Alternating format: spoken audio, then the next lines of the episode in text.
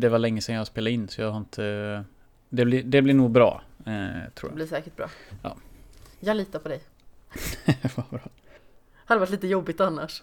Nej, jag litar inte på det alls. Vad gör du här?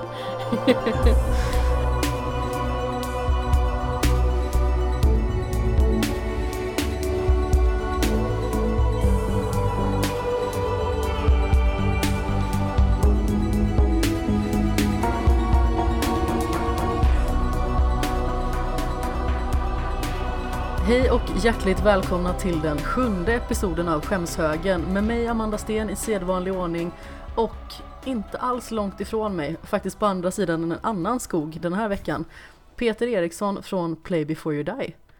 Hejsan. Nej men hejsan, hur står det till? Det är ganska bra. Jag vet inte om man ska gå in på eh, detaljer av krämpor och sånt som man får när man kommer upp i åldrarna antar jag. Men eh, överlag så är det bra. Kan vi väl säga. Så länge du liksom inte börjar gå in på sånt här gammelfarbrorsnack. Jag, jag känner liksom att äldre människor verkar verkligen typ mäta sin livskvalitet utifrån sin avföring. är det på den nivån? Eh, nej. Ja men vad bra, Eh, vad skönt. jag hade inte tänkt att prata om bajs. Om det, om det var... Nej men det är liksom lite sådär, om man frågar en gammal människa hur mår du? Då är det alltid såhär, ah, lite ris i kistan. Ja men jag vill inte veta det. Eller dylikt. Det är alltid Okej. någonting som relaterar till hur magen mår känns som. I alla Aha. fall.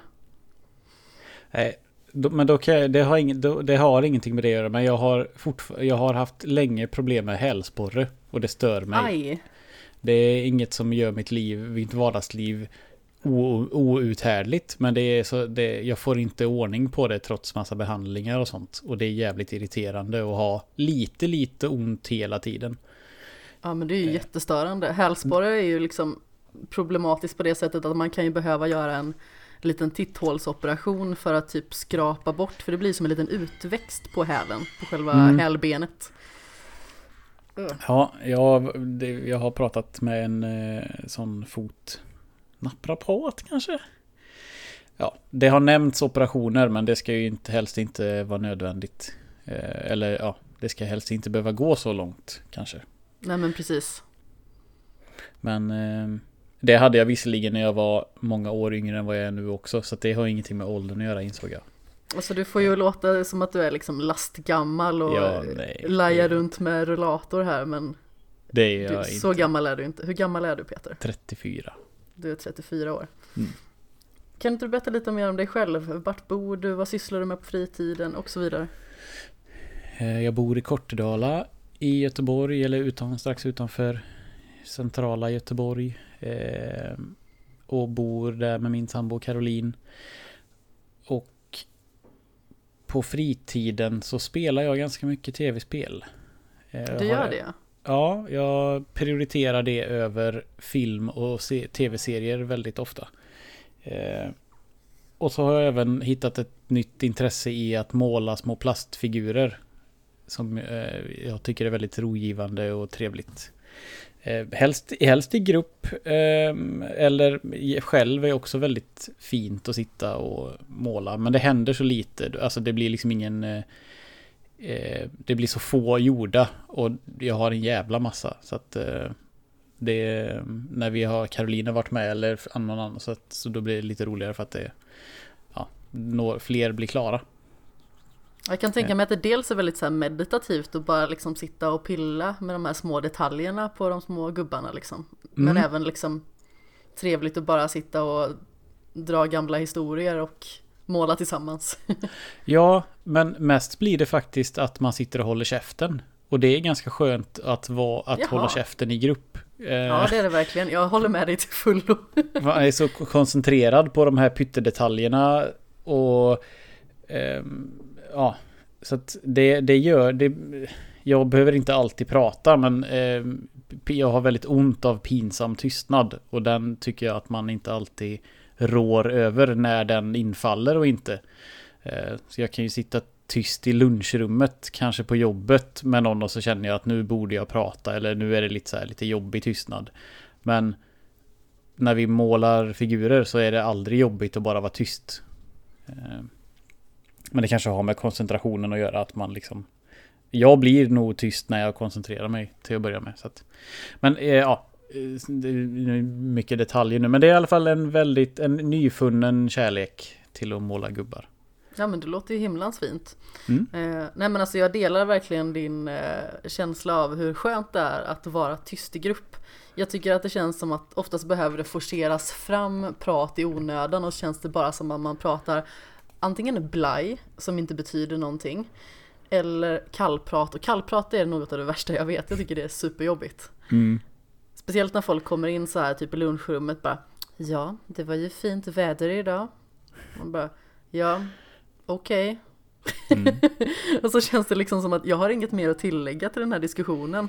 Och sedan så märker man liksom att den här personen den liksom sitter där med nästan ett rep och försöker typ så här dra ur konversation. Och det funkar ju inte. Det är ju Nej. jättejobbigt. Det är ju nästan värre än pinsam tystnad. Ja, folk, människor som pratar för pratandets skull eller som inte kan eh, inte kan inleda en, en konversation med en fråga utan som bara häver ur sig ett påstående och så är det meningen att jag ska bry mig och svara på det istället för att bara Du Peter, eh, typ det här eller det här. Då är man ju ändå trevlig och svarar men någon som säger, ja, bara säger någonting eller någon som drar ett skämt och tittar sig omkring så här, vem skrattade nu? Sånt, det, är ju, det är ju absolut fruktansvärt vem, vem orkade bry sig om det jag just sa? Ja. Då är det bättre att vara bara tyst. Ja, men verkligen. Jag håller med. Men anledningen till att du är här, eller anledningen till att du är här är att du är supertrevlig och att jag tycker om dig och att vi är vänner. Men du är ju lite grunden till att jag faktiskt sitter här idag skulle man kunna säga. Folk har säkert hört den här historien förut men du har ju lite på is nu förvisso ett poddprojekt som heter Play before you die. Mm -hmm. Och det var ju så jag började lyssna på podcast och lyckades få upp ett ännu mer utpräglat spelintresse helt enkelt. Var det först? Var det inte något svamprike eller någonting sånt eh, före Nej. det? Jaha. Grejen var ju att eh, vi jobbade ju på Nordic Wellness i eh, Göteborg samtidigt. Mm. Mm. Och det var någon gång som du liksom sa att ah, men jag ska hem och spela in podcast. Och det var ju efter där som jag blev så här nyfiken och sen så började jag liksom Ja men fasen det här med spel, Batman, åh oh, det är ju häftigt och Så då började allting liksom blomma ut mycket mer Så det är liksom, det är helt din förtjänst. Nu minns jag, nu när du säger det så kommer jag ihåg att jag, att du har sagt, alltså ja, jag har hört den eh, historien förut. Ja. Det är ju väldigt smickrande. Ja men grejen är ju liksom den att Det är ju ett så härligt projekt för att Det är inte samma exakt så till liksom den graden att ni bara pratar om spel som ni har missat. Men det finns ju vissa gemensamma punkter och det är ju att ni spelade ju spel ur en bok och sedan skulle ni avgöra om de liksom var värdiga sin plats, skulle man väl kunna säga. Ja, precis. Vi hade skapat, vi, boken hade 1001 eh, eh, olika spel och vi eh, hade ju då en, eh, en eh, påhittad lista om man säger med, med alla de spelen. Fast eh, vissa var ju för, för dåliga för att platsa. Så vi skapade en egen lista som inte hann bli givetvis i närheten så lång. Men eh, ja, den, eh, ja, vad ska man säga? Vi, vi betygsatte väl kan man säga om det verkligen var värt att spela innan man, innan man dör. Ja men exakt. Och det blir ju lite som en uppdaterad version av själva den här 1001-listan också liksom bara för att man kanske ser på spel med liksom nya fräscha ögon. Jag vet ju liksom att det klassiska exemplet är ju i andra avsnittet när det spelas Super Mario. Mm -hmm. Och den hamnar med på listan lite grann bara för att ja, men det är ikoniskt. Men du hade ju kanske inte riktigt jättebehållning av att spela det. Nej, jag, jag tyckte det kanske att... inte var kul. Nej, jag tycker första Mario Första Mario eh, framkallar mycket nostalgi Men det är ett skittråkigt spel. Det eh, jag behöver liksom inte göra en ehm, då i, i just det avsnittet så var det väl lite en grej att jag kände att det är gammalt och skruttigt och det är så här någon sorts, eh, det är lag på att älska gamla Mario till Nintendo. Ehm, men nu, jag tycker verkligen att det är tråkigt. Det skulle jag nog inte säga om eh, lika mycket om tvåan, trean eller World till exempel. Men första är bara, Ja, det, är för, det är för simpelt och hade det inte funnits ett nostalgiskt värde så hade jag inte gillat det alls. Jag spelar ju aldrig nya plattformare som är så simpla. Det skulle jag aldrig få för mig att göra. Nej men exakt. Men det fina i det här det är ju liksom ändå att även att ni har en lista som man kan utgå från liksom i efterhand att men de här spelen kom med och de här spelen har vi lagt ett kanske på eller de här har inte kommit med rent av. Eh, I och med att man lyssnar på podden gissar jag om man har någorlunda koll på listan då får man ju i alla fall lite granna en åsikt kring att ja ah, men okej jag har själv- själv inte spelat det här spelet är det verkligen värt det om det är liksom ett 30 år gammalt spel? Mm. Alltså nu är jag ju en sån, jag har ju nostalgi så det bara sjunger om det för första Mario-spelet till exempel. Mm. Eh, men jag ser ändå var det kommer ifrån liksom. Ja. Det, det är många intressanta diskussioner som uppstår liksom på det sättet i och med att ni har så olika preferenser och sådär. Mm. Och det är ju ett... Egentligen är ju Mario ett... Eh, vad ska man säga? Det är ett dåligt exempel för att det är... Det är Mario och det... Jag kan, jag kan inte... Inte ens jag kan försöka snacka bort det. Eh, Men eh, jag tror... Jag vet, kommer inte ihåg nu om vi spelade något mindre viktigt skitgammalt spel av samma karaktär. Jag tror inte det. Vi testade ju lite någon arkadspel och lite något annat så här gammalt, eh, jättegammalt mobilspel och så. Men ja, Snake till exempel spelade vi ju. Ja men precis. Nu minns jag inte riktigt om det, om vi godkände det eller inte, men Jag är lite tveksam till det faktiskt. Jag har för mig att det inte kom med, men nu gissar jag lite också. ja, nej, jag, kom, jag minns inte. Jag ska faktiskt eh, erkänna att jag började lyssna om idag. Bara Mhm. för att liksom eh, bli lite nostalgisk tänkte jag. Mm, Och sådär. Så det var ju lite, lite roligt. ja, för, om från första början. Ah, ja men precis. Jag har ju lyssnat igenom det innan liksom. Men jag tänkte att, äh fasen, jag får lyssna igenom det från början. Mm. Härligt att ha mycket god lyssning framför sig. Eh, nu är jag bara på andra avsnittet, typ tredje avsnittet förresten. Tredje, det är ju där det blir bra på riktigt. Nej men precis när Anders är med och ni pratar om Braid. Ja, precis. Jag Jag, jag var tvungen att kolla upp här här. nu. ja, du, också. Snake eh, fick ju inte hamna på våran lista. Nej men precis, jag satt också så här smyg kollade det i bakgrunden. det är så här klassiken när man eh, spelar in podcast. Nu försöker jag att prata kring det här så länge som möjligt medan Mm. jag sitter och ninja-googlar i bakgrunden. Det är det bästa med smartphones. Man kan ju ninja-googla utan att det klick det klackar på något tangentbord. Ja men Så det är exakt, ninja på riktigt. verkligen. Men jag tänkte lite på det här skämshögstemat Mm. och knyta an lite till eh, Play before you die. Mm. spel ett kanske eller två, tre stycken spel som du verkligen tyckte att fasen vad, vad skönt det var att ta sig an de här, liksom att lyfta dem ur skämshögen tack vare Play before you die. Eh, som jag tyckte var Helst bra då. bra. Eh, Okej, så att det, ska vara skö- det ska ha varit skönt att spela, spela igenom dem. Och de ska helst ha varit bra. Det lämnar en bra känsla liksom att yes, Mm. att jag har tagit mig an det här och det känns så bra nu. Mm. Eh, då får jag givetvis scrolla lite på listan, men... Men... Eh, Kingdom Hearts var ett sånt spel. Som Mm. jag ville, så jag tyckte det såg helt magiskt ut när det kom. Och så var det också ganska magiskt. Kort Ja. och gott. Även om vi gnällde mycket på saker i spelet så var det ändå som helhet ganska fint. Shadow of the Colossus också såklart. eh, Ja. Jag hade ingen PS2 men jag hade vänner och roomies som hade och spelade. Så jag har sett men aldrig fått chansen riktigt. Eller tagit mig tiden rättare sagt. Ja, men precis. Eh, och... Ja, första Fallout då. Var ju också viktigt kan jag tycka för mig som älskar eh, trean, fyran. Eh, så det var roligt att ha spelat igenom och uppskattat eh, så allt mm, det. Det hur mm, eh, djupt det var så tidigt. Ja men exakt, liksom eh, se vart grunden lades någonstans. Mm. Sen har ju den, eh, de, de som tycker mycket om, om det tycker ju att den har eh, förvanskats med de senare spelen. Men nej, men ja, det var, de tre skulle jag nog säga var liksom sådana Mm.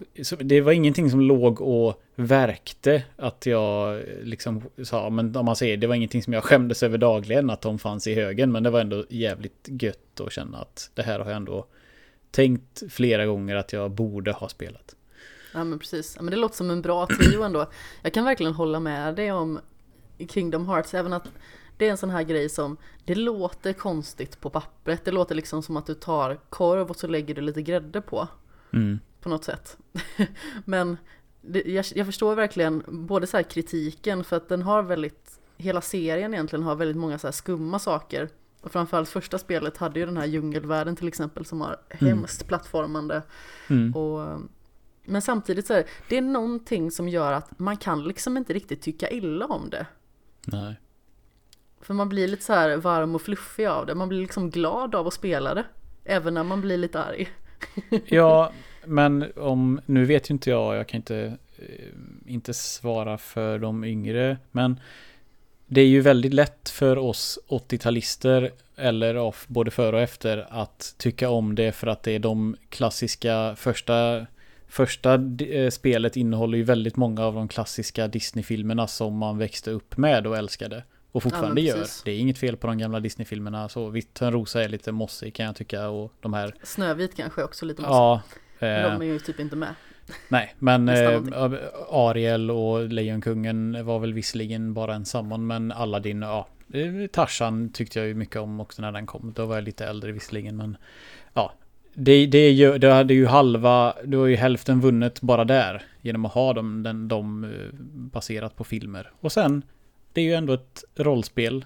Ja, och så Final eh, Fantasy. Eller action-rollspel. Ja, och, och, Final Fantasy också. Det är ju spars, sparsamt eh, såklart. Eh, men eh, jag har ju hört att det nästan har försvunnit i trean. Vilket mm. gör mig lite, lite sådär, det känns lite ledsen ändå. Ja, min eh, kära partner spelade ju igenom spelet ganska så direkt när det kom och han sa ju liksom att ja, men det är nästan inget Final Fantasy kvar längre alls. Nej. Eh, vilket är väldigt synd.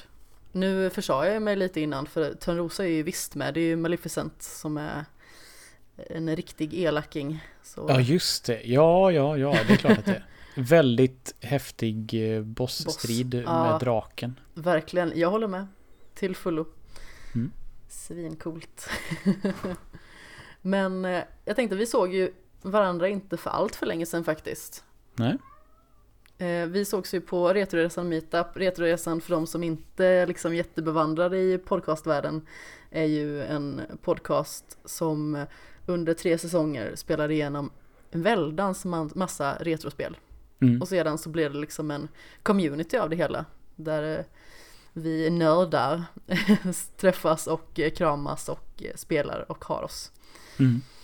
Vad hittade du på mest? Du spelade en del brädspel va? Ja. Eh, jag spelade Dead of Winter väldigt mycket. Mm. Det var ett väldigt roligt zombie, zombie-scenario överlevnads eh.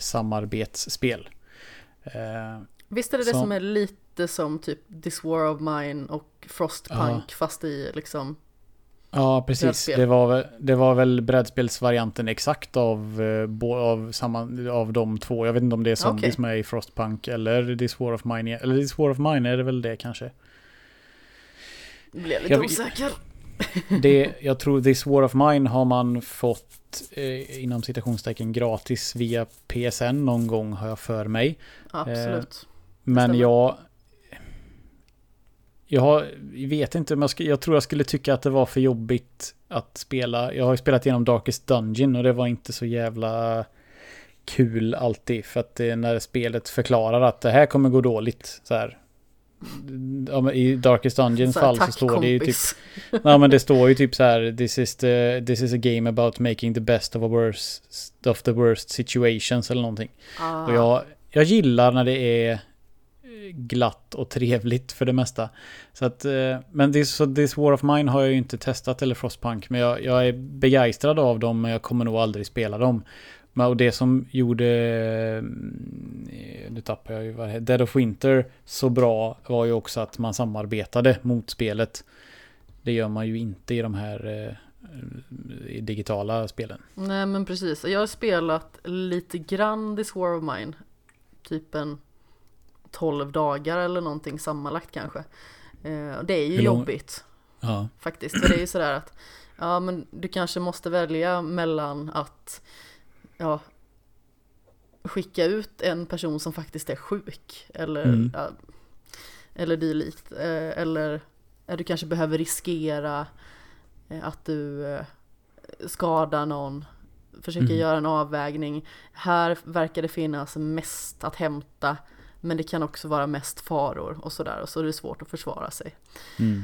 Så man ligger ju brun till oavsett liksom.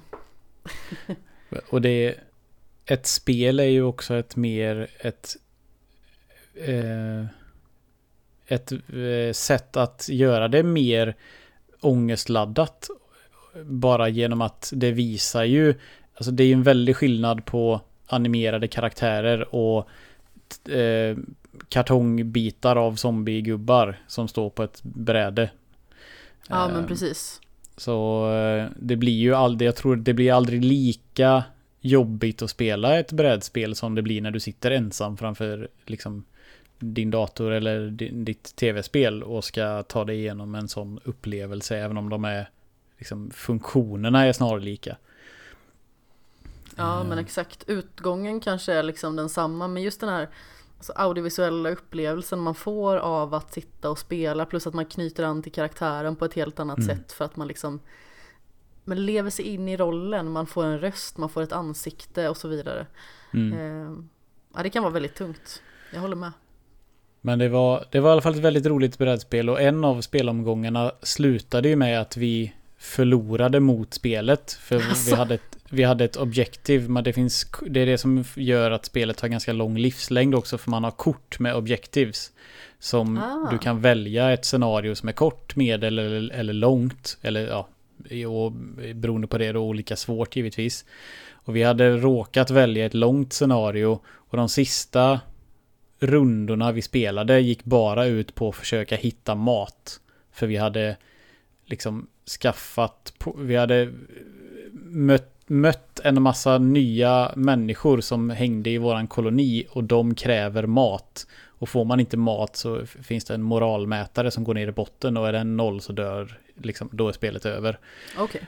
Eh, Så att även, vi visste i princip att det skulle skita sig, men det var ändå väldigt kul att diskutera fram vilken lösning som eventuellt är den mest rimliga eller bästa för att ja, just hitta matbrickor eh, då eller matkort när man är ute och letar eh, eh i spelet. Eh, så ja, det var överraskande. Jag har aldrig hört talas om det och det var verkligen svinkul. Men det är också det, det omfamnar hela grejen med RR Meetup väldigt bra. Att man hittar, eller jag nästan har var, varje gång upptäckt någonting nytt som jag ja, inte visste fanns och som är jätteroligt eller jättehäftigt. Ja men exakt. Och det Jag kan vara så enkelt dig. som ett brädspel bara, som jag inte kände till. Som nu. Mm. Jag vill ju verkligen sätta mig in liksom i brädspelsvärlden men jag är ju, jag vet inte om jag inte har rätt typ av tålamod. Mm, nej men jag tror att jag är inte så jättebra på att vara nybörjare på saker. Okej. Det är liksom så här att jag gillar inte när jag känner mig trög. Mm. Och det vet jag att det kommer jag ju göra i början. För det är så här bara, ja förstår du? Man bara, ja, nej. Det gör jag ju kanske inte. Så om du köper, om du ska spela ett brädspel då är det du som äger det för då har du kunnat plugga regler Ja, eller eh, hur? i förväg. Nej, men jag har nog aldrig gett mig på så jätteavancerade brädspel faktiskt. Nej. Jag minns när vi eh, var på RR Winter för, jag tror att det var två år sedan och då spelade vi One Night Ultimate Werewolf. Mm. Det var väldigt roligt.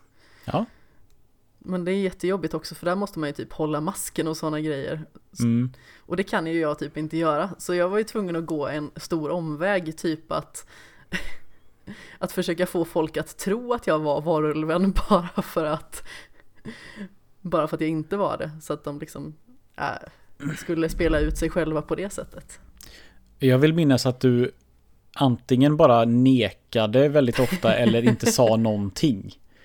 När någon frågar så, ja men är du typ, är du var eller vad så här, du bara så här knep igen. Och då vet man ju inte, alltså det, det kan ju vara, det var, det var också ett sånt, det så här, en fantastisk upplevelse som jag inte kände till och sen skaffade vi det också. Det var inte så dyrt, det är ju bara en kortlek.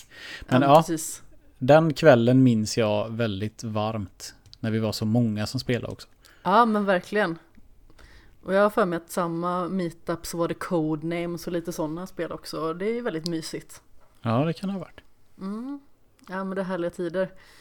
Jag fick ju faktiskt tack vare dig den här senaste meetupen rensa ut ett uh, spel ur skämshögen som jag har velat spela jättelänge. Och det är ju Batman Arkham VR. Helsike vad bra det var. Mm. Eh, jag hade ju tänkt att spela det i somras faktiskt, men sedan så i och med att det inom citationstecken bara var tre dagar, nu var det ju fyra, Mm. eh, så blev det liksom att jag, jag tog mig inte riktigt tiden och så fastnade jag vid andra saker, men nu gjorde jag det. Och det var ju Det- så himla mycket häftigare än vad jag hade kunnat föreställa mig att det skulle vara. Vad vad kul Jag, att du känner så. jag har ju aldrig riktigt testat VR speciellt mycket innan. Jag har testat det här The Impatient som var superkackigt. Ja. Det var en eh, genuint dålig upplevelse bara. Dels så gillar jag ju inte skräck speciellt mycket. Och dels så var det liksom, det var skräck plus dåligt spel. Det var liksom minus plus minus som inte blev plus. På något sätt. De- De enda två bra sakerna med The Impatient var att eh, ljus och skuggor var det, det snyggaste jag har sett eh, i ett VR-spel någonsin. Ja, hur, det var ju snyggt. hur eh, liksom händer och din eh, virtuella kropp påverkades av ljuskällor i spelet. Det var Mm. liksom så här så tappa hakan snyggt som jag. Jag har ändå spelat jättemånga VR-spel men ingen har gjort Ja, det så snyggt som dem. Och så dockhus-scenen Ja, var fruktansvärt eh, bra. Men det var typ de två sakerna. men den dockhusscenen den var ju verkligen så, den var en så konstig upplevelse för man visste ju liksom att när man ser sig själv i dockhuset och man ser att det är en liten jävel som står bakom en, man vet ju att okej den jäveln den står bakom mig i verkligheten. Men man Mm. skiter ju typ ändå ner sig när man vänder sig om och upplever Ja. liksom att okej den är där. Ja. Så det var Det faktiskt väldigt snyggt gjort. Ja. Men det var det Eh, enda. och På, på det temat så har det släppts ett spel nyligen som gör vad jag har förstått det som lite samma grej. Inte med skräck nödvändigtvis tror jag. Men som gör det här att du eh, ja, men ser dig själv inuti en liten, alltså någon, typ samma fast i flera lager har jag, tro, tror jag att det ska fungera. Någon sorts pusselhistoria eller något. Mm. Nu låter jag väldigt eh, som att jag inte har så bra koll. Och det har jag inte heller, men det heter A Fishman's Tale. Okej. eh, och jag, trailern eh, visade lite på exakt det där att du, man liksom, ja, gör något, något liknande me mekaniker kanske. ja, Eh, precis. Men, ja, nog om det. Eh, Batman. Ja, och det var ju inte så jätteläskigt. Det var väl Nej. någon scen som var lite creepy i slutet när man, eh, Mm. man blir ju inlåst i en cell. Mm. Det är ju så spelet avslutas. Mm. Men jag var ju verkligen helt, jag vet vår kära vän Joel sa att jag såg fånnöjd ut hela tiden och det var typ så jag kände mig.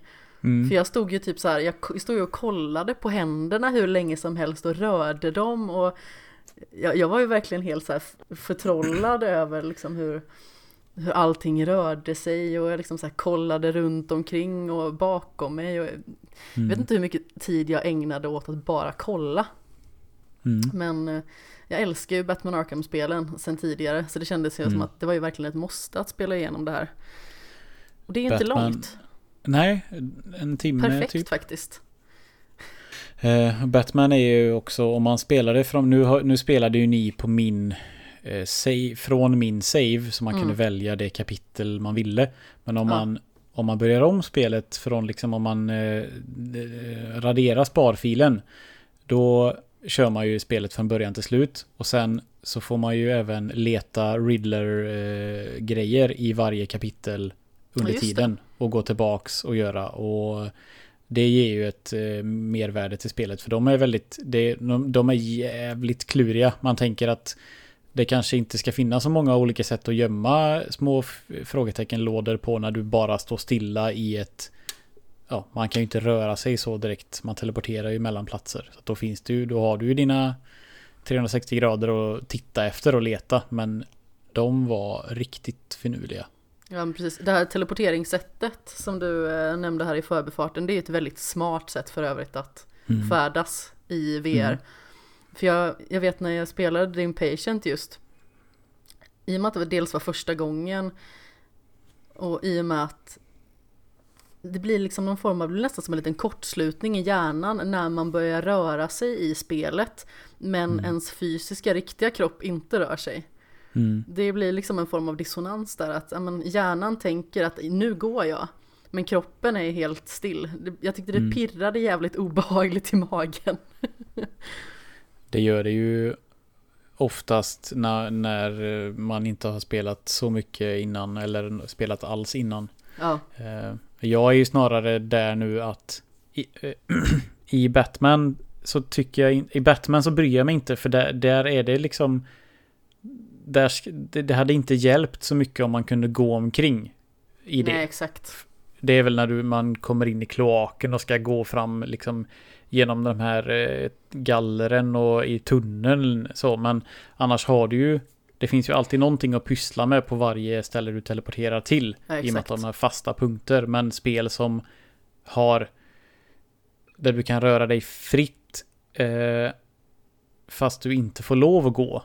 De ratar jag ju i princip tills det patchas in att man kan röra sig. Alltså locomotion som det heter. Ja, men exakt. Ehm, för då tycker jag, då känner jag mig begränsad av att behöva teleportera mig eftersom att jag inte blir illamående eller känner av det alltså alls. Ehm, och det, så är fallet just med det här Fisherman's Tale som jag tycker ser svinintressant ut men det har bara teleportering än så länge. Ja, okej. Och det känns som att det kommer väl säkert snart en patch kan jag tänka och då kommer jag nog skaffa det. Mm. Men häftigt. Mm. Var det någonting annat på RR som du eh, tyckte var spännande? Eller som du tog dig an? Eh, no, vad gjorde jag? Inte direkt. Eh, jag spelade ganska mycket brädspel. Eh, den här gången faktiskt. Eh, nej, jag, jag var ju... Jag hjälpte ju folk med VRen eftersom att det var jag som hade med den. Ja, Eh, så jag var väl lite engagerad i de som ville spela saker. Eh, Skara, Peter Skarafatse sp- spelade ju till exempel genom hela Moss som jag Oj, innerligt älskar och eh, det, hela det spelet. Det var jätteroligt att han var liksom intresserad och ville ta sig igenom det. Så det var jättemånga som spelade Beat Saber, flera stycken, bland annat du då som spelade Batman. Eh, Astrobot var också en eh, omtyckt av många. Eh, så att jag var ju liksom, hade ju lite ögonen på VR-stationen hela tiden ifall Ja, någon exakt. ville testa något eller sådär. Eh, nej men det var nog brädspel. Jag tror knappt jag spelade så mycket digitalt alls. Eh, faktiskt. jag spelade ovanligt mycket kändes det som. Det kändes som att jag Mm. spelade nästan hela tiden. Men det var Mm. rätt kul också. Jag tycker det känns som att det, ibland så blir det bara som att man tassar runt. Och bara sätter sig vid något ställe, kollar lite, pratar lite, så går man vidare. Och visst, det kan ju Mm. vara väldigt trevligt också, men det är alltid kul liksom att ha med sig en väldigt klar upplevelse av någonting från själva meetupen. Mm. Och eh, ja, jag fick ju ta mig igenom PT också, det var ju kanske inte jättekul. Ja just det. Ja. Usch. Ja, jag hade lovat, helt enkelt. Mm. Och jag började ju spela. Men jag, eh, jag pallade faktiskt inte att eh, spela speciellt mycket. Jag tyckte Men det var så förbannat obehagligt. Du har inte spelat igenom det tidigare? Nej, Jag har ju sett delar av det Mm. tidigare. Men eh, ja, alltså skräck är ju kanske inte riktigt min grej till att börja med. Nej. Och sen liksom, ja, jag hade ju nästan ingen röst kvar efter det. Jag skrek ju rakt ut flera gånger. Jag skämdes ju typ för mig själv. Satt och kollade mellan fingrarna som en liksom femåring vars förälder hade sagt till nu håller du för ögonen här för nu blir det snart läskigt. Det, det är ingenting att skämmas över skulle jag säga. Jag och Caroline spelade PT mitt på ljusa dagen och var Ja. livrädda ändå. Och sen tittade jag på lite YouTube-klipp och blev rädd för samma sak igen. eh, kort efter. Fast att jag liksom satt med Ja. bara tittade på telefonen. Jag vet inte om det var någon på, jag tror det kanske var någon på svampriket som spelade och så är det, ja, dyker det upp den här, någon, något, någon av alla de här figurerna som dyker upp, dök upp. Och jag visste, tänkte så att nu satt och liksom tänkte haha, undrar hur rädda de blir när det händer. Och så blev jag rädd i, ja, i, också. Ja, men speciellt just det här liksom när den här eh, damen kommer upp och rycker tag i en bakifrån liksom. Mm, Och man ser det äckliga ansiktet tryckas upp i fejan på en. Alltså jag, mm. jag höll på att kissa ner mig. Det var ju jättejobbigt. men eh, nog om det. Jag tänkte vi skulle gå Mm. vidare lite till så här. Ja men någonting i skämshögen som du är liksom väldigt nöjd att du har börjat ta dig an. Jag hörde Mm. lite snack om Red Dead innan. Eh, Red Dead ja. 2. Mm. Eh, anledningen till att det är eh, skämshögigt. När jag, när jag, min eh, mentala definition av skämshög är väl egentligen någonting då. Som till exempel det som vi pratade om innan med spelen ifrån våran podcast. Sådana som har tänkt på, gro, liksom grott i länge att det här borde jag ha spelat eller det här har jag velat spela men inte tagit mig i tid. Men Red Dead låg i skämshögen från att det släpptes till nu för inte så länge sedan när jag började spela det. För att jag... Ja, det var ett sånt... Ett, det, spelet var för stort och för om, liksom, omtalat och på ett bra sätt hela tiden. För att jag skulle liksom kunna släppa tanken på att jag vill ju, jag vill uppleva det. Medan det ingen har spoilat hur, storyn för mig än och alla som pratade om hur det funkar och hur detaljerat det är och snyggt det är och hur all, liksom, alla de här systemen som samverkar i att världen lever och min brorson berättade om en, någon som han hade sett på YouTube som hade följt efter en NPC i spelet som liksom Jaha. levde ut en dag och gick och la sig efter så här. och så att jag, för, jag, jag tycker om att hänga med i... Eh, jag är väldigt intresserad av tekniska prylar och liksom framsteg och sånt. Och inte bara grafiska eftersom att då hade jag ju givetvis spelat på PC om jag ville liksom ligga i framkant med sånt. Men ja, det var så här. Jag hade andra spel igång och det är en liten svårighet. En svårighet för mig är att eh, ha flera spel igång samtidigt. För då blir det liksom, då vet, då jag måste koncentrera mig på en eller ett par saker, annars så rinner det oftast ut i sanden. Ehm, Så jag hade spel som jag ville spela färdigt, plus eh, God of War hade jag påbörjat för länge sedan och kände att nej, jag ska, det blir inget Red Dead förrän jag har spelat färdigt det, så är det bara. Så det var liksom lite sån här, jag var tvungen att klara av saker och kände hela tiden att Fan, jag borde spela Red Dead nu snart innan det, innan någon jävel i någon, i någon poddradio säger, försäger sig. Ehm, och det är ju så bra som alla. Jag är inte missnöjd med någonting. Jag tycker det är precis så häftigt och snyggt och bra och fantastiskt än så länge som alla har sagt. Så jag är jättenöjd att jag håller på med det. Hur mycket har du spelat? 33% av storyn. Jag vet inte hur Ah, den räknar riktigt. Men eh, Det är en bra bit ändå. ja, det känns ju, alltså, ja, en...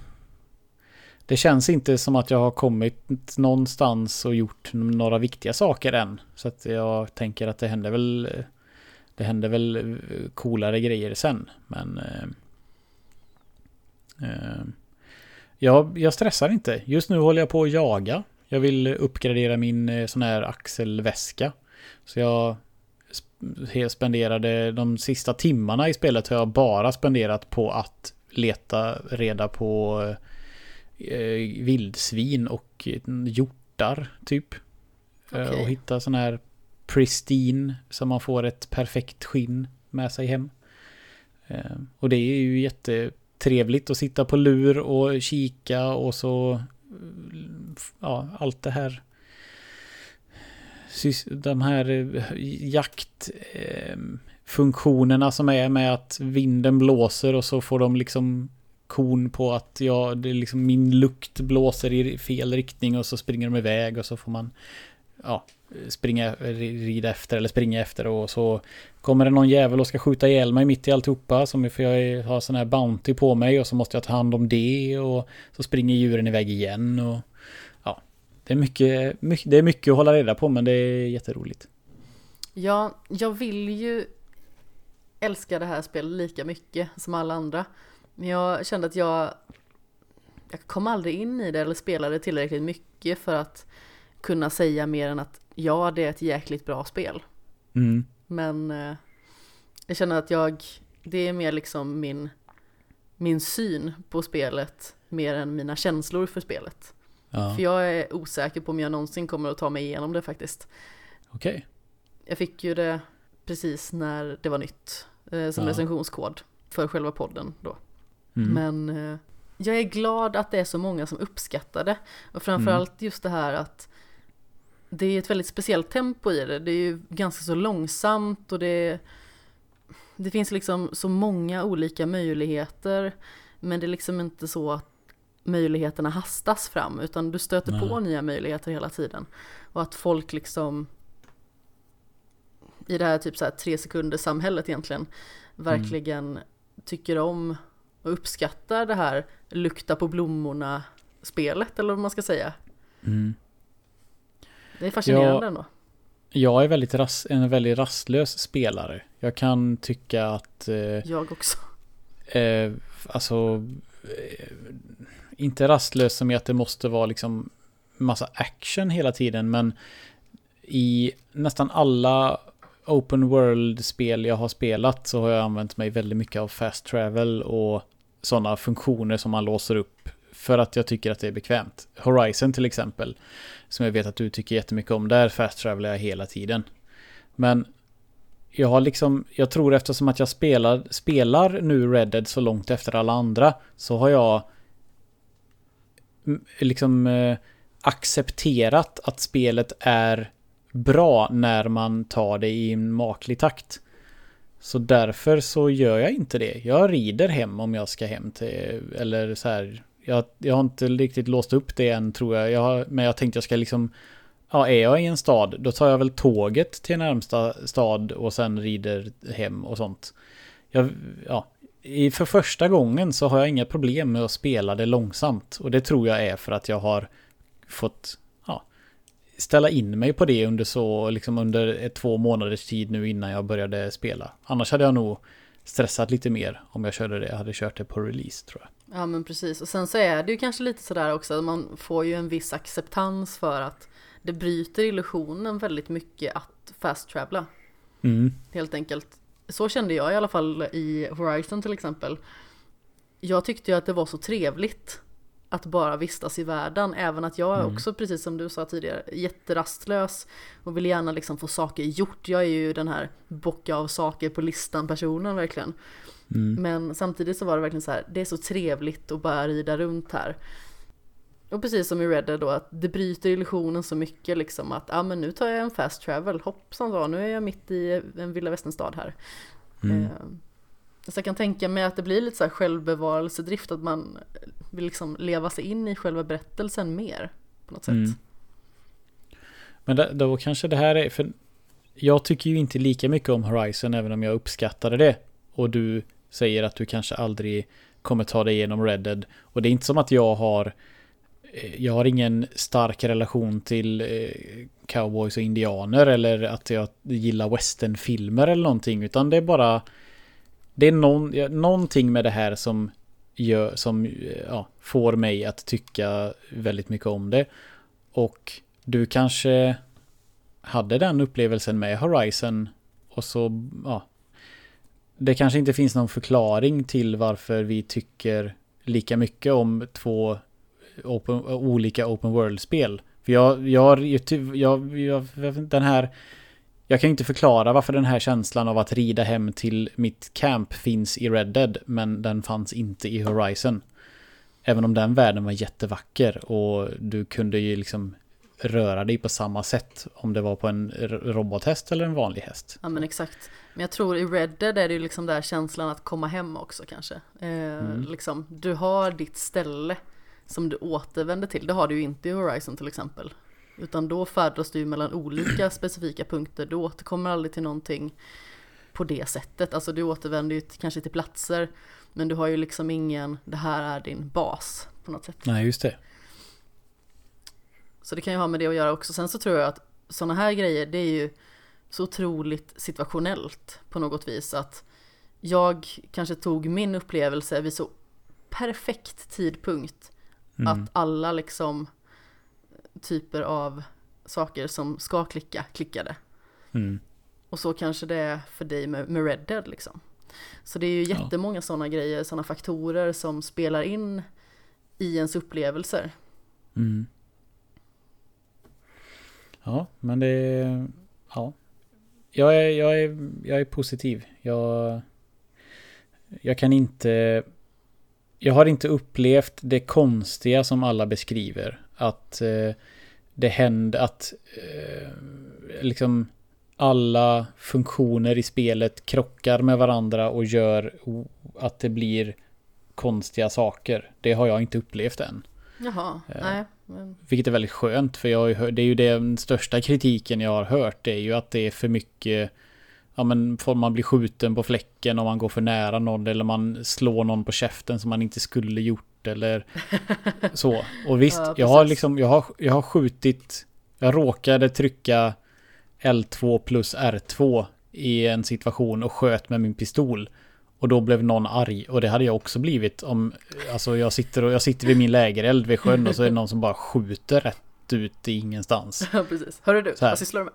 Ja, så det kändes mest så bara, ja det är väl rimligt ändå att den här jäveln blev arg på mig nu. Eh, även om det var mitt. Jag håller med. Liksom det var så Peters misstag att trycka på fel knapp. Så reagerade spelet korrekt. Eh, snarare än att det liksom, ja, bara eh, blev, blev fel weird. Ja men exakt. Men det kommer säkert. Jag lär ju inte leva i den här bubblan för evigt. Det kommer säkert krångla till sig någon gång framöver. Men... Man kan ju hoppas att man slipper det, å andra sidan. Ja. ja. Så länge det man kanske har, har patchats. Sen, jag, inte, jag, inte vet jag. De är, de är sådana som inte skriver ut sina patch notes. Det står bara, ja, nu har vi patchat spelet när man kollar på Playstation ah. i menyn. Jag, jag tycker det, jag, jag, vill alltid kunna sitta och läsa på en lista så här, vad har hänt nu? Ja, men, men, det precis. kanske är sådana grejer som har förbättrats, vad vet jag? Mm. Ja, det är helt klart möjligt. Mm. Apropå långa spel. Mm. Så har jag börjat spela Fire Emblem Warriors faktiskt. Eh, idag på, började jag spela det på tåget på morgonen. Det är ju till, till switchen, det är ju en eh, kollaboration mellan Fire Emblem och Dynasty Warriors. Ja just det. Samma det som den här Zelda, vad den nu heter, ja, Hyrule precis. Warriors. Och den var ju jätte jättedålig. Eh, Hyrule okay. Warriors. Nej, jag gillade inte den alls. Jag kommer ihåg att jag recenserade den för IGN och jag var helt i upplösningstillstånd över min besvikelse över hur kackigt jag tyckte att det spelet var. Jag spelade det på 3DS vill jag minnas. Ja. Inte nöjd för fem öre. Men okay. eh, det här är betydligt bättre måste jag säga. Det kan ju vara för att det ser mycket bättre ut till exempel. Mm. Det ser in, inte konstigt ut på det sättet som det gjorde på 3DSen. Och det var ju några år sedan för all del. Men sen så, det är väldigt tydligt liksom den här Fire Emblem-känslan. Karaktärerna är lite så överdramatiska och det, det, är svårt att inte gilla det även att det känns ganska så löjligt ibland. Mm. Sådär. Men jag, jag gillar dem väldigt mycket och framförallt fick man ju träffa på Marth ganska så tidigt och där, sådär. Och det är en karaktär som jag har hållit varmt om hjärtat ganska så länge i och med Smash till exempel innan jag faktiskt började spela Fire Emblem. Okej, men har du spelat, jag vet att du har spelat Awakening. Ja, det Men har du spelat fler i serien än, än det? Ja, jag har spelat, jag tror att det är alla på 3DS. Det är ju eh, Fire Emblem Fates och så är det Conquest och så är det Birthright i den serien. Jag spelade båda dem. Och sedan så spelade jag Awakening efter det och sedan var det Shadow of Valentia som är en remake på första spelet från 1992. Jaha, till 3DS? Ja men precis. Eh, inte helt klar med det och sen så har jag råkat tappa bort det lilla spelet. Jag var väl typ så här 40 timmar in eller någonting så det var ju lite snopet. men eh, Åh nej, och sparfilen ligger på kassetten. ja, precis. Nintendo. Mm. Så ja, jag ska försöka göra en liten räd här i lägenheten och se om jag hittar den. Men det kan ju vara att den faktiskt ligger i ja, Wien någonstans i och med att det var där jag spelade det sist. Mm. Eller om du har råkat hamna på en flygplats i Schweiz eller någonting sånt. Mm. Men eh, ja.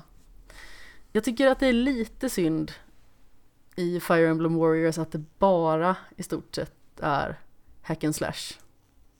För jag gillar det här strategiska turordningsbaserade väldigt mycket. Och i till exempel det här Shadow of Valentia så var det ju lite hack and slash emellan. Och sedan så var liksom huvuduppdragen strategibaserade. Jag hade önskat bara lite strategiinslag. Nu har jag ju bara spelat typ tre kapitel eller någonting i den stilen. Men det känns som att om det här spelet ska vara lika långt som de andra spelen så kommer det nog bli ganska enformigt. Mm. Att bara liksom springa och hugga ner jättestora horder av fiender. Du pratar om de andra Dynasty Warriors. Ja, Eller, fi- eller mer Fire Emblem-spelen som är långa. ja men precis, jag hade gärna önskat i, i Fire Emblem eh, Warriors att de var mer som Fire Emblem än som Dynasty Warriors. Ja, okej. Eller i Men- alla fall att de hade vägt upp lite mer med det spelmekaniska liksom. Är det så enkelt? Jag har, jag har sett eh, ehm, min kompanjon Bobs sambo Lina spelade lite Fire Em, inte, eh, vad heter Hyrule Warriors en gång när jag var hemma hos dem. Ja. Och är det bara, alltså är det bara det, inte bara, nu menar jag inte bara som i negativt, men är det det man gör? Man står på ett slagfält och mejar ner det, liksom folk som hopar sig runt omkring dig. Ja Kan, är, det, är, det, är, det, är det det enda man gör? Här är det typ som att man har en karta. Som man börjar på en punkt och sedan ska man liksom ta sig igenom det här. Eh, ut till utgången eller vad man ska säga. Och då är det liksom olika typer av vågor av fiender som man stöter på. Olika monster eller, eh, eller dylikt. Så det är alltså det är inte det att det är tråkigt på något vis. Jag gillar karaktärerna jättemycket och jag trivs liksom med att eh, använda mig av svärd. Det är ju jättekul och jättetillfredsställande. Men Mm. samtidigt känner jag att om det är så här i typ 30 kapitel då känns det som att det kan bli lite mycket. Sen så det kan ju vara att det underlättar om jag ställer upp svårighetsgraden lite. Nu spelar jag på normal och det känns på tok för lätt. Det känns ju som att jag kan ju inte dö. Nej. Så det känns som att jag kanske behöver utmana mig själv lite då. Men jag tänkte ju att det kanske skulle finnas lite strategiinslag så jag vågade liksom inte sätta ribban för högt. Med tanke på att Fire Emblem-spelen kan ju vara snorsvåra verkligen. Och någon sorts permadeath på karaktärer. Vissa av dem i alla fall, eller? Mm. Eh, På senare år har de ju lagt in att man får välja om man vill köra det klassiska, det vill säga permanent död, eller om man Mm. vill köra casual. Så att man eh, får tillbaka sina karaktärer efter varje liksom slagfält. Mm. Så det är ju lite mer humant på det sättet kan man ju lugnt säga. Det fick man ju i eh, mobilspelet. Som är det enda Fire Emblem jag har spelat. Där fick man ju Heroes tillbaka sina det, karaktärer. Vad sa du? Heroes hette det va? Ja, precis. Jag tyckte det var ganska så mysigt. Jag tror både jag och Caroline spelade och min kollega spelade också den sommaren som det kom. Och där får man ju tillbaka sina karaktärer. Det enda som händer är att de inte får någon XP om de dör innan eh, man är färdig. Ja, men precis. Ja, Eh, jag tror jag påbörjade det, men jag har så svårt att hålla uppe ett spel om jag spelar det på mobilen, såvida inte det typ är som ja men Florence som är typ en solid halvtimme och man liksom sitter och spelar igenom det direkt. Tycker det är så lätt att glömma av att jag har ett spel på mobilen. Mm. Men det kanske är för att man liksom, man är så van vid att ja men mobilen det är liksom allting som har med kontakt att göra. Och sedan så är liksom, jag har mina konsoler och de använder jag för spelandets skull. Liksom. Mm. Så det blir väl lätt så. Eh, jag sitter och håller i Fire Emblem Radiant Dawn till Wii. Jaha, Är det, vet du om det är bra eller dåligt? Jag köp, jag, det är lite dyrt. Men jag fick något infall och bara fan, jag vill spela Fire Emblem. Nu har jag inte gjort det. Eh, men det var, jag tror att jag betalade nästan tusen spänn för det. Om jag minns rätt. Så att, jag vet inte om det är svinbra eller bara inte sålde bra. jag Men- har faktiskt inte spelat det. Men jag vill minnas att anledningen till att de flesta Fire Emblem-spel är så dyra som de är. Det är att antingen så släpptes de inte i Europa. Eller så släpptes de i väldigt begränsad, begränsat antal. Och att det är därför liksom som de är så svårtillgängliga och dyra. Mm. Men eh, vad jag har förstått så ska de flesta spelen vara väldigt bra om än väldigt svåra. Mm.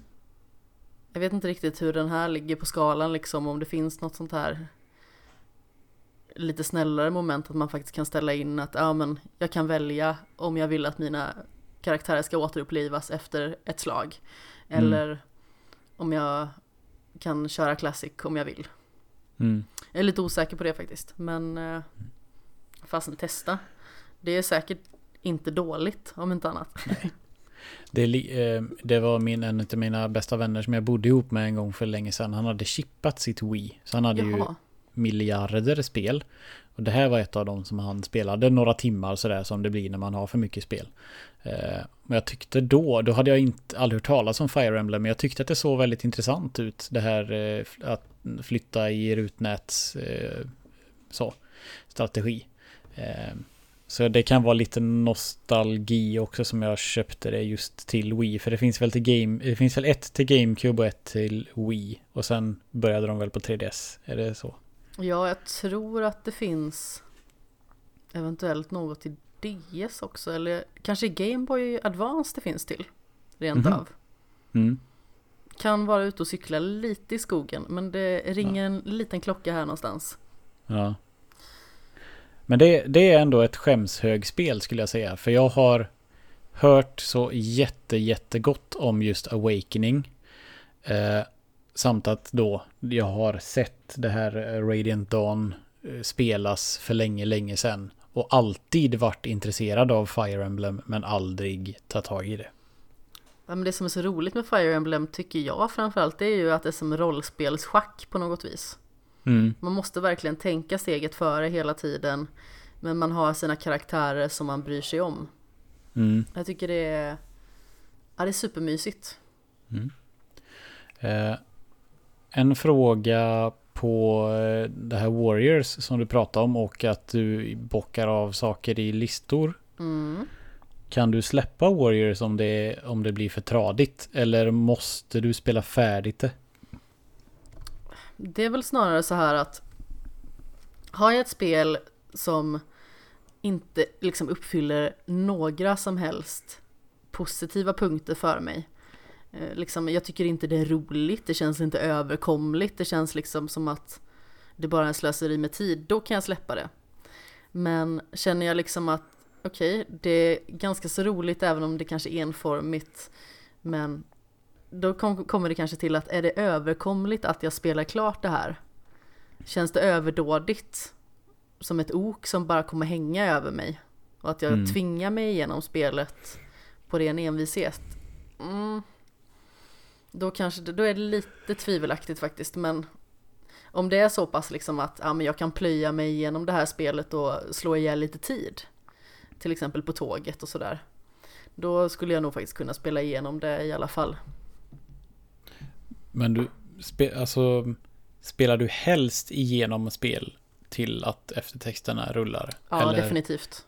För jag har lite svårt att bara släppa det. Har jag väl investerat så vill jag spela färdigt. Det får vara ganska så kass om jag bara ska sluta spela och inte känna att det ligger och alltså är lite jobbigt att jag ändå inte tog mig igenom vad det nu kan vara för typ av spel. Ja, men jag, jag håller med dig till fullo. Jag spelar helst klart spel.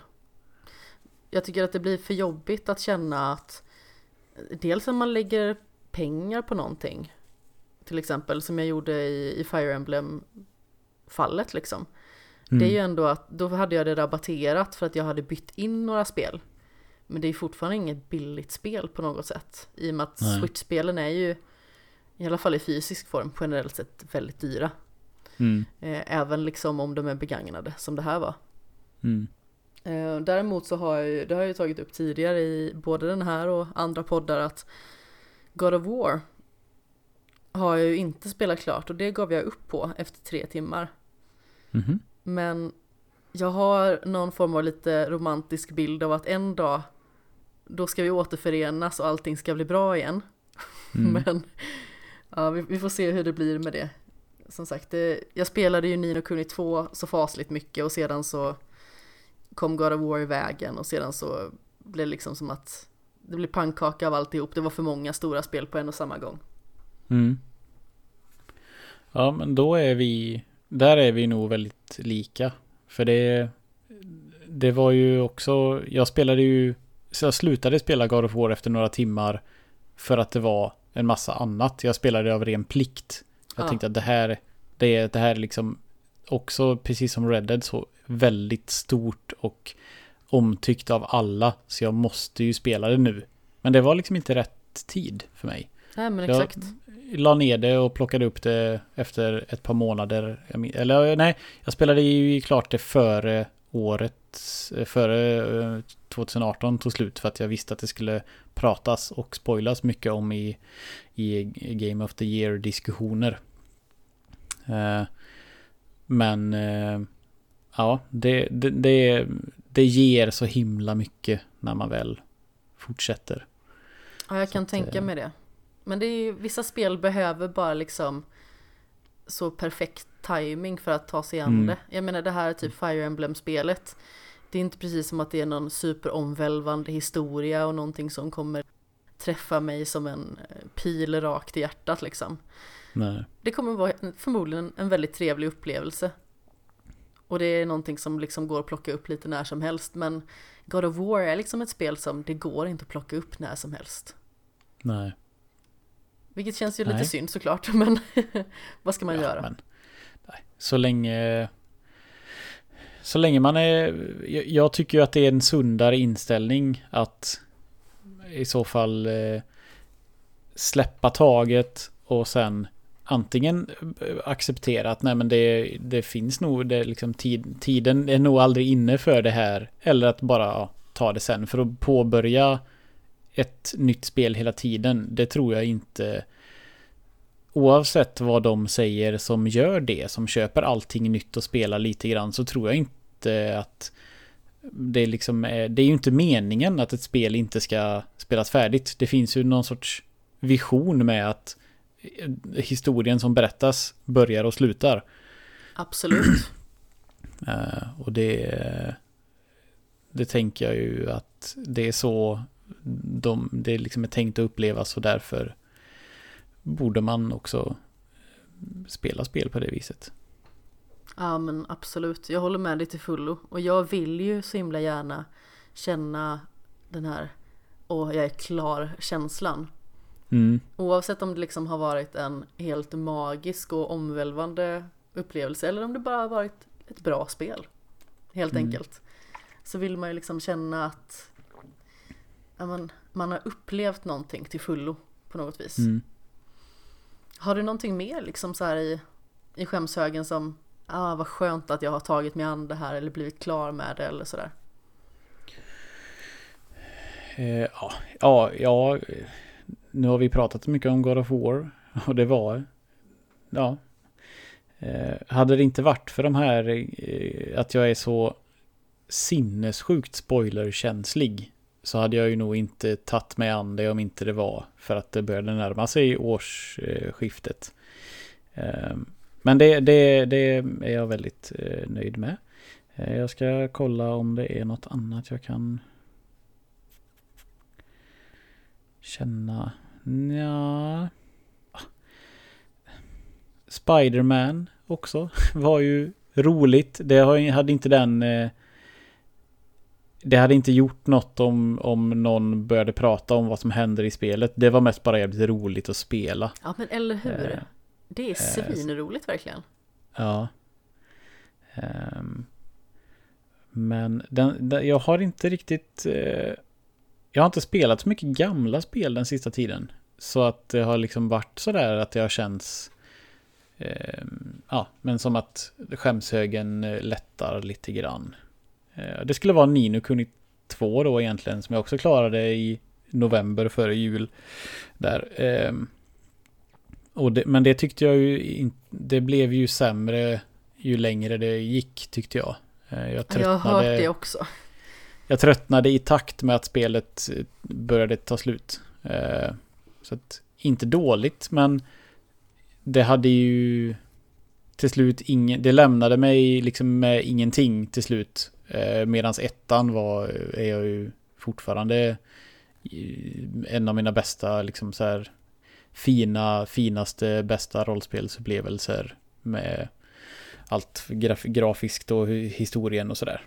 Ja men verkligen, det var ju jättekänslosamt framförallt med tanke på hur svår slutbossen var. Mm. Det tog ju sån enorm tid och där var verkligen så här, jag är klar känsla. Jag trodde nästan skulle svimma när jag var klar med Nino Kuni 1. Mm. Eh, jag är inte klar med andra spelet.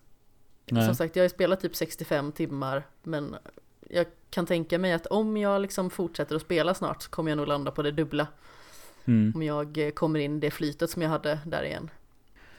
Mm. Men eh, är det stadsbyggandet som du lägger ner tid på eller är det?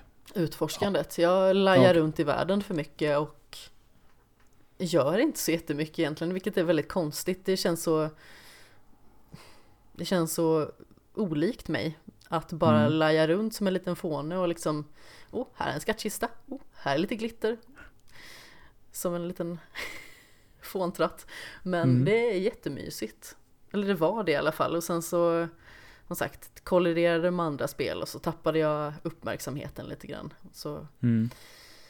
Kommer det andra spel och Som det brukar mm. Men om vi vänder på det så här då är det någonting som du känner så här att fasen, det här, det här ska jag ta mig an en dag?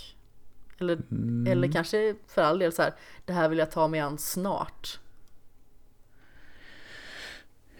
Ja, jag har tänkt och tänkt nu och jag har ju, jag köper ju för mycket spel. Jag försöker jag, eh, liksom, jag försöker hindra mig från att köpa en massa gamla spel. Nu var det länge sedan jag köpte något sånt där. Ja men Eh, jag nästan samlar ju på Dreamcast-spel.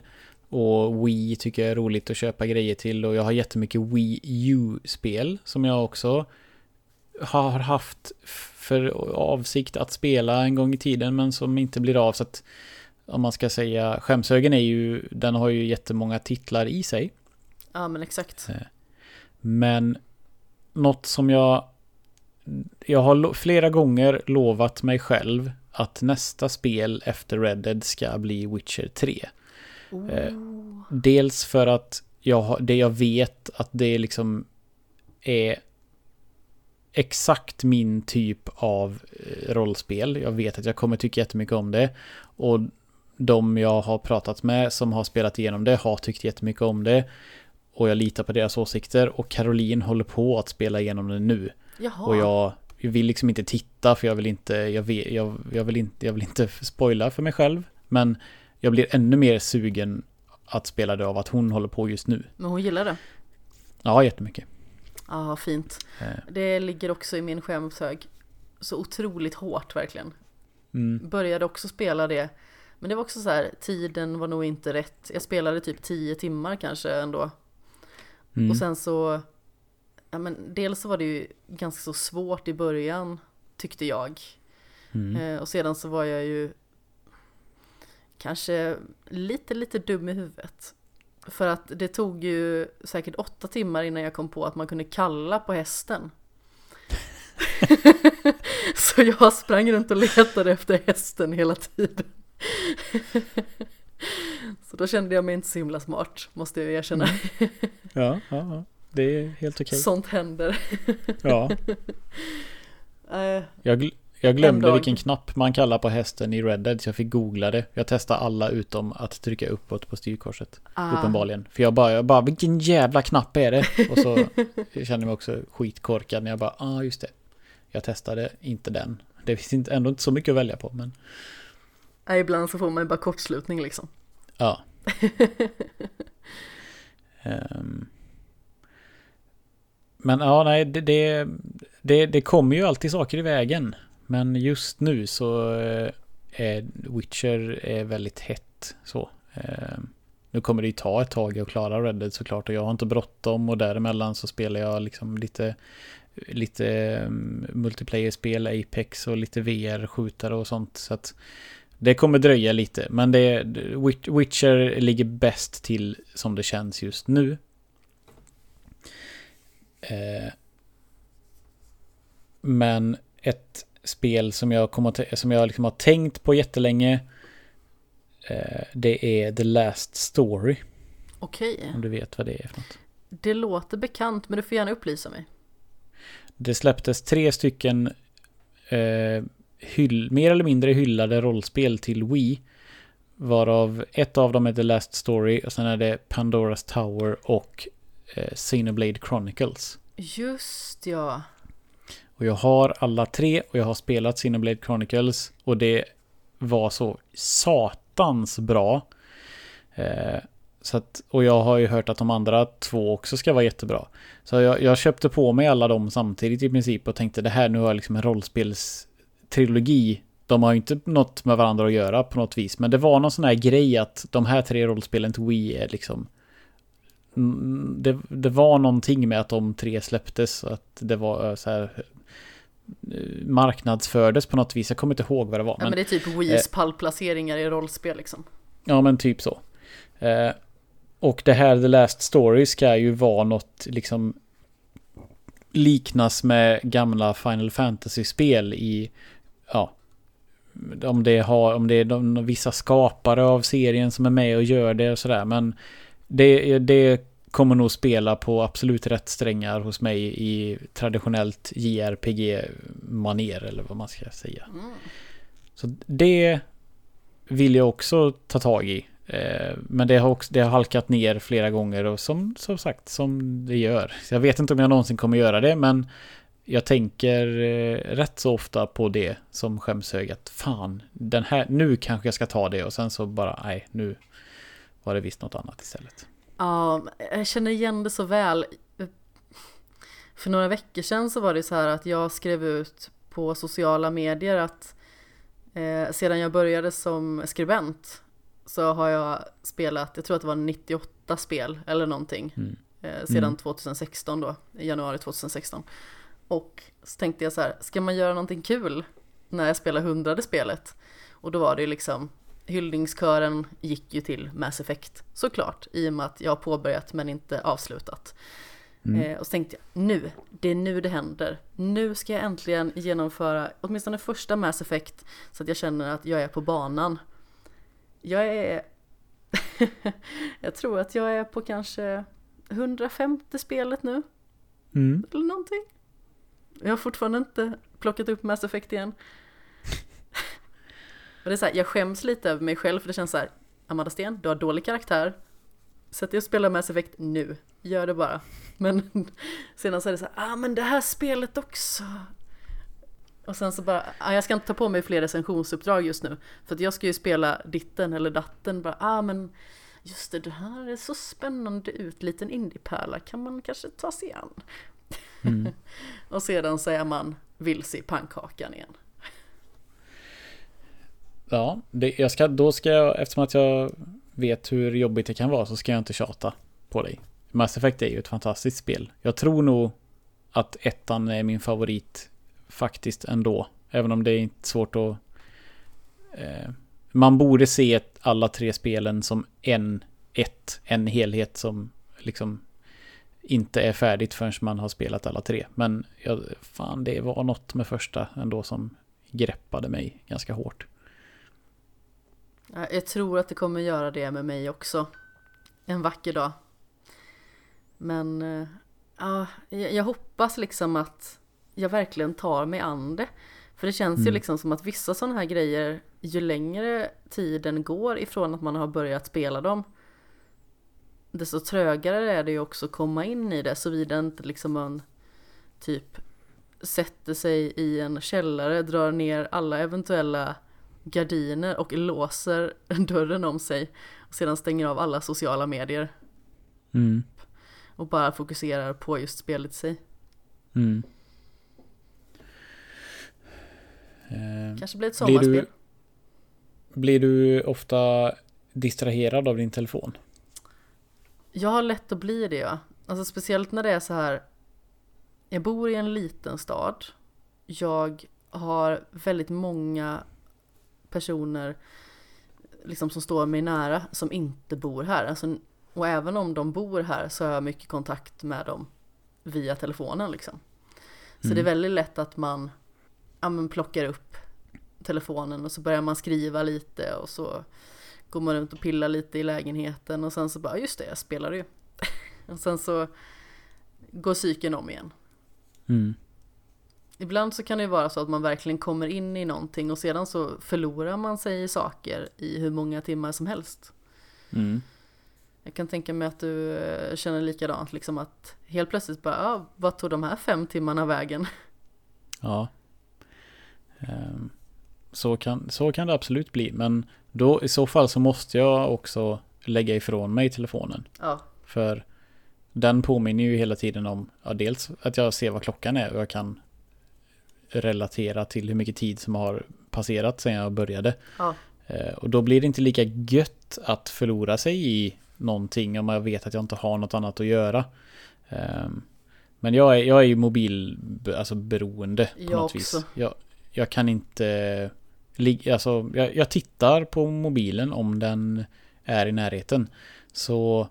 Eh, och det gäller även eh, typ när Game of Thrones går varje måndag. När den, när, liksom, när, när den är igång så är det en av mina favoritserier. Samma här. Men jag får, jag får ju lägga undan telefonen för att under den timmen, hur bra det än är, så kan jag inte hålla mig från att bara snegla på någonting på telefonen, vad det nu än är. Ja men exakt. Eh, och den egenskapen hatar jag verkligen hos mig själv. Jag tycker att det är, så, det är så löjligt kass av mig själv att inte kunna bara ge fan i och glo på mobilen. Så att då, då typ antingen stänger jag av eller så lägger jag den i ett annat rum bara och så här. Och då kan jag Sen glömmer jag ju liksom av det, men är den i närheten då är det som att den kallar hela tiden. På. Det är som att den är, är magnetisk jag, på något sätt. Ja.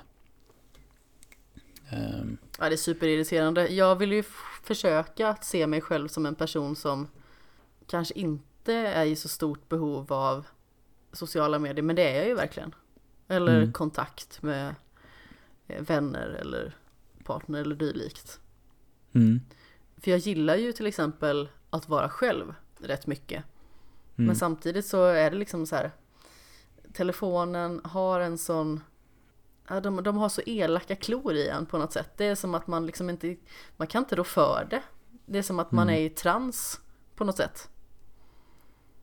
Helt plötsligt ja, kommer man typ. på sig själv med att kolla på mobilen även att man inte ens har inte ens väntar på något meddelande eller inte ens liksom har någonting som man behöver ta reda på utan det är bara man kollar på mobilen till ingen ja. nytta. Där försöker jag ju till eh, alltid när det ämnet kommer upp så eh, förespråkar jag ju en smart klocka till, för att hjälpa en att inte blippa med telefonen. Eh, det, det, det funkar för mig att jag får notiser som jag har valt själv att få och då kan jag ta ställning till är det värt att använda telefonen för det här meddelandet just nu eller ja, vad det nu kan vara.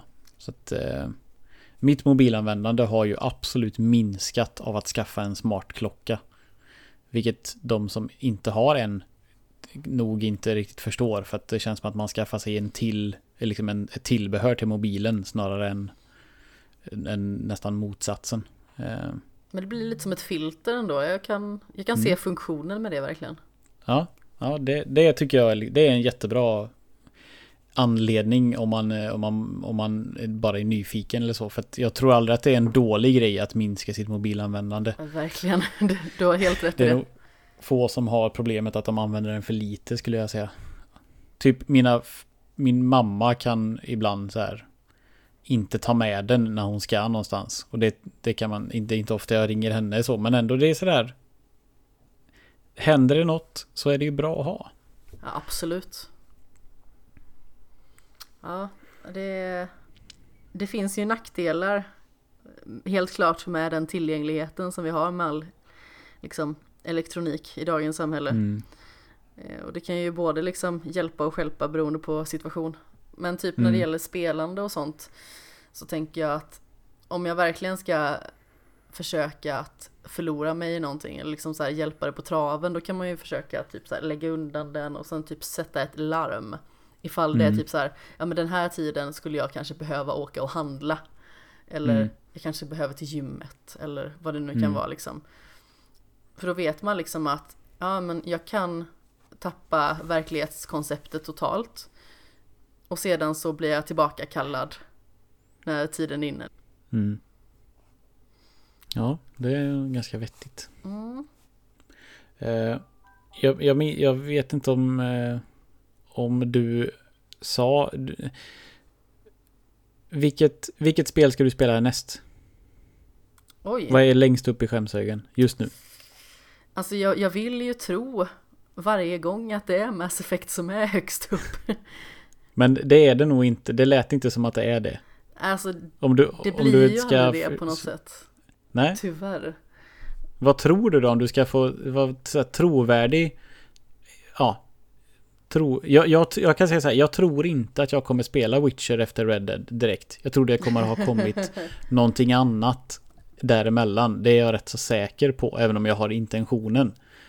Eh, men, ja. Ja, jag tror ju att jag, jag blir klar med Gris först. Mm. För där har jag fastnat okay. på ett ställe. Så jag, jag är inte helt främmande för att ta till typ YouTube eller walkthrough eller någonting om jag behöver. För nu är det ett ställe som jag suttit fast på sedan RR Meetup. Och det känns ju jävligt mm. fånigt. För det känns som ett spel som inte är så pass långt så att jag ska behöva sitta fast i det på det sättet.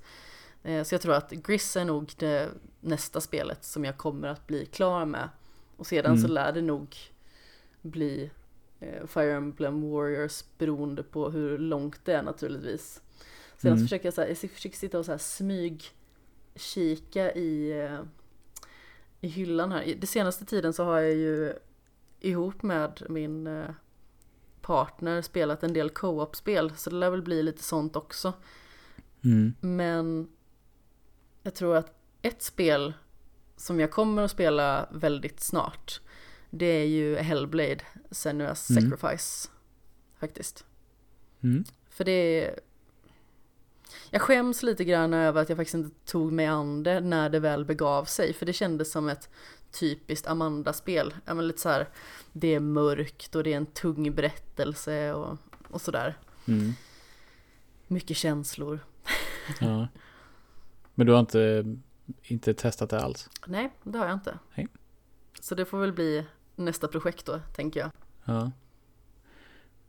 Jag la faktiskt ner det. Jaha, varför då? Jag, för att jag fastnade i pussel som jag inte begrep. Ah. Jag tyckte pussel är nog eh, lite, lite mm, för starkt ord egentligen, men eh, jag, jag fastnade för många gånger på rad eller fa jag fastnade tillräckligt länge tills jag kom på vad jag skulle göra eller googlade vad jag skulle göra. Eh, och det var för många sådana tillfällen på rad. Så det, när jag till slut bestämde mig för att det, alltså, det kändes som att det inte var du själv som spelade utan YouTube. Nej, men ja, eh, jag har egentligen inte heller några problem att kolla en guide. För jag, det, det drivet att klara någonting är större än eh, liksom om det finns något sånt. Eh, skammen i att eh, fuska, eh, vad man ska säga. Men jag tyckte det var skitbra. Eh, på, jag älskade strids, eh, när man slogs tyckte jag var jätteroligt. Och världen var cool och eh, hon var cool och allting. Men det var de här, alltså det blev, det var, det var en, en pussel, pussellösningar som inte klickade med mig. Och då kände jag att jag orkar inte.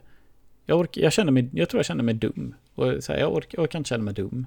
Det är, liksom, det är inte roligt att aldrig lista ut det direkt och få känna att fan nu var jag smart. Utan det var mest bara jobbigt. Ja, jag förstår precis vad du eh. menar.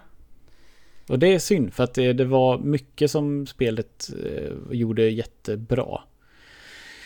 Eh, så jag skulle, jag, det skulle jag nog kunna tänka mig att titta på en eh, long play eller en eh, någon som eh, djupgående förklarar storyn och visar slutet och sånt. Det skulle jag nog kunna tänka mig vid det här laget. För jag kommer inte plocka upp det igen. Ehm, men ehm, det är ju, ja, alla som har spelat det säger ju att det är helt fantastiskt. Så det var nog bara, det var fel på mig den här gången, det kan jag säga med säkerhet. Äsch. Det klickade kanske helt enkelt bara inte. Nej, nej, precis. Men det är inte spelet fel. Jag tror inte att det är speciellt svåra grejer. Alltså det... Jag har inte hört den här att det skulle vara folk har släppt det av samma anledningar som jag kände. Ut, eh, så, utan det var nog bara eh, unikt för mig. Ja men exakt. Så jag tycker absolut att du ska spela. Mm. Ja, jag känner mig sugen men det finns ju mycket spel alltså som man känner så här. Ja ah, det här kanske och just det där är ju den och så scrollar man igenom listan och bara Just det, det här var det ju också mm. som jag hade påbörjat. och nu, nu pratar vi ändå bara om spel. Jag, ja. Vi ska inte ens gå in på film och tv-serier som jag, som jag sa i början. Jag bortprioriterar de två till förmån för att eh, lägga min tid på att spela spel. Så där, alltså de skämshögarna är, når ju alltså, upp till månen båda två. Med serier och filmer som personer jag litar på har sagt det här tycker jag du ska se eller den här serien är så bra eller de här filmerna, ja så. Det kommer jag aldrig komma ikapp med. Det, det har jag försökt sluta bry mig om. Ja, alltså jag har ju egentligen alla eh, typer av liksom populärkulturella yttringar om man vill så, eh, säga så. Även att det kanske är så att film, spel och serier är det som ja, jag pratar om mest. Även att spel är ju det som oftast blir att man pratar om. Då mm. de jag oftast har som gäster är spelknutna på ett eller annat vis. Men eh, jag förstår det. Jag tycker ändå att jag ser ganska mycket film och serier. Men det känns ju som att det är ju helt orimligt för mycket grejer det mm. Men det här är ju Ens skämshög är ju ens evighetsprojekt på något sätt. Det kommer ju aldrig ta mm. slut. Nej. Och även att det Det kanske känns lite så här Vemodigt att det aldrig kommer att vara över eller sådär så Det känns också på något sätt lite fint att veta att ja men Jag kan kämpa på så gott det går och försöka göra så mycket jag kan liksom för att få ett så berikat typ populärkulturellt liv som möjligt. Mm. Man har, I teorin, eh, eller vad man ska säga, så har man ju aldrig tråkigt. Eller behöver aldrig ha tråkigt egentligen. Nej men exakt. Om man har en skämshög. Sen kanske man inte är sugen på just att spela ett spel eller någon, eller jag har glömt av vad som finns där i som man eh, kanske någon annan gång kände att man var sugen på. Men, men att inte ha så här någon, ah, jag vet inte vad jag ska se på eller har du några bra tips på Eh, alltså ett, ett, tips kan man få ändå, för det har jag också bett om i vissa, i vissa specifika genrer, men jag kan ju inte relatera till att inte ha någonting att göra. För det, det hjälper ju skämsögen till att det finns alltid någonting att göra. Verkligen. Det beror på vad man är sugen på den dagen. Ja, jag tror jag har nämnt det i podden tidigare också sådär, men jag vet liksom folk som ofta säger att ah, jag har så tråkigt och jag är så uttråkad och jag har inget att göra, inget att se. Va? Hur är det ens har du, möjligt? Har du sett allt? Ja, men, är, det, är det så det är? Jag blir ju typ helt förstummad när folk säger så, för jag, jag kan inte dra mig till minnes när jag hade tråkigt senast. Verkligen. Inte på det vis, inte av den anledningen som det låter som när de personerna beklagar sig över att det är tristess i deras liv. Ja men precis, typ att man sitter hemma och har tråkigt. Visst man kan ju sitta och ha tråkigt när man väntar på bussen eller visst man kan sitta och ha mm. tråkigt när man ah, ibland när man åker tåg eller så beroende på en sinnesstämning. Men aldrig liksom i mitt hem så har jag fan aldrig tråkigt. Det finns Nej. alltid någonting jag kan ta mig an. Mm. Jag kanske är ett barn som är bra på att underhålla mig själv eller vad man ska säga men Nej men, nej men det håller jag med om. Alltså med det intresset eller den hobbyn som vi har så blir det egentligen aldrig så, så tråkigt tycker jag. Eh, jag är väldigt glad att jag har ja, framförallt tv-spel som hobby för det den, kan, den, den omfattar mycket tid om det om det liksom är tid man vill slå ihjäl så kan den göra både väldigt mycket, mycket eller lite beroende på vad man, vad man väljer. Och den är förhållandevis billig om man begränsar sig lite grann. Absolut. Det är liksom en, en dyr kostnad var femte år ungefär. Och sen, ja, sen kan man spendera hur mycket eller hur lite man vill däremellan. Det är väldigt sunt tycker jag. Absolut. Jag, jag är ju genuint glad att spel kom in i mitt liv på det sättet. Alltså det var ju mm. förvisso, det är ju inte det att det inte har funnits där tidigare. Det är väl bara det att jag såg kanske inte riktigt hur mycket möjligheter det fanns och hur spel liksom hade utvecklats. Det är ju rätt intressant ändå liksom. Vilka framsteg mm. spel har gjort under så pass kort tid ändå. Mm. Och fortfarande gör. Jag menar det är helt galet. Bara vänta bara på när vi är inne på om fem år hur VR kommer se ut då till exempel. Mm. För, föga förvånande så är jag ganska eh, nyfiken på den här AR som eh, Microsoft håller på med. De har ju, de har ju släppt, eller visat sin HoloLens version 2 nu okay. nyligen. Eh, och det är jag ju jättenyfiken på. Det är ju liksom i VR-territoriet lite grann. Eh, tycker jag ändå. Ja, precis. Så det ska bli spännande att se vad som händer med det. Det kan jag tänka mig man kan göra skojiga saker med framöver. Ja, ja men verkligen. Men jag tänkte att eh, har du någonting mer du vill tillägga eller sådär? Annars kanske det är dags att börja runda av för kvällen. Ja, nej jag har, jag känner mig ganska nöjd. Eh, och eh, jag vet att Caroline vill ha datorn så att hon kan fortsätta spela Witcher. så... Någon sitter typ så här trummar lite bredvid med fingrarna liksom. Mm, typ så. Eh, vi hade ju lite frågor, det var en fråga från Aron på Twitter. Jag vet inte riktigt hur seriös den var. Jag tror att den var lite ironisk faktiskt sådär. Mm -hmm. Hur många Playstation 4 Pro är en Xbox värd? Höftning är okej. Okay. Ah. Eh, alltså, är, ja, är det inte tvärtom? Jo, jag tänkte säga ett noll då. Det är ju aldrig värt det är ju aldrig värt det åt det hållet. En, eh, en Playstation är ju alltid bättre än en Xbox. Jag kommer ju sälja min Xbox när jag har spelat de få spelen som jag har kvar att bli klar med. Mm. Förlåt Aron, men eh, så är fallet. det, är ingen, det är absolut ingen dålig maskin. Jag, jag gnäller och provocerar ganska medvetet. För att ibland är det roligt. Men jag, eh, jag, jag, kan, jag kan förstå om man tröttnar på sånt snack. Ja, alltså jag trivs mycket bättre med min Playstation 4, så är det bara. Och jag känner liksom att jag är inte i behov som ensam i mitt hushåll, är inte jag i behov av tre stycken aktuella konsoler. Varav Nej. två stycken har väldigt många gemensamma titlar. Och sedan mm. så har vi switchen som är väldigt unik för att den går ju att ta med sig också, även att den börjar få ja. Mer gemensamma titlar också.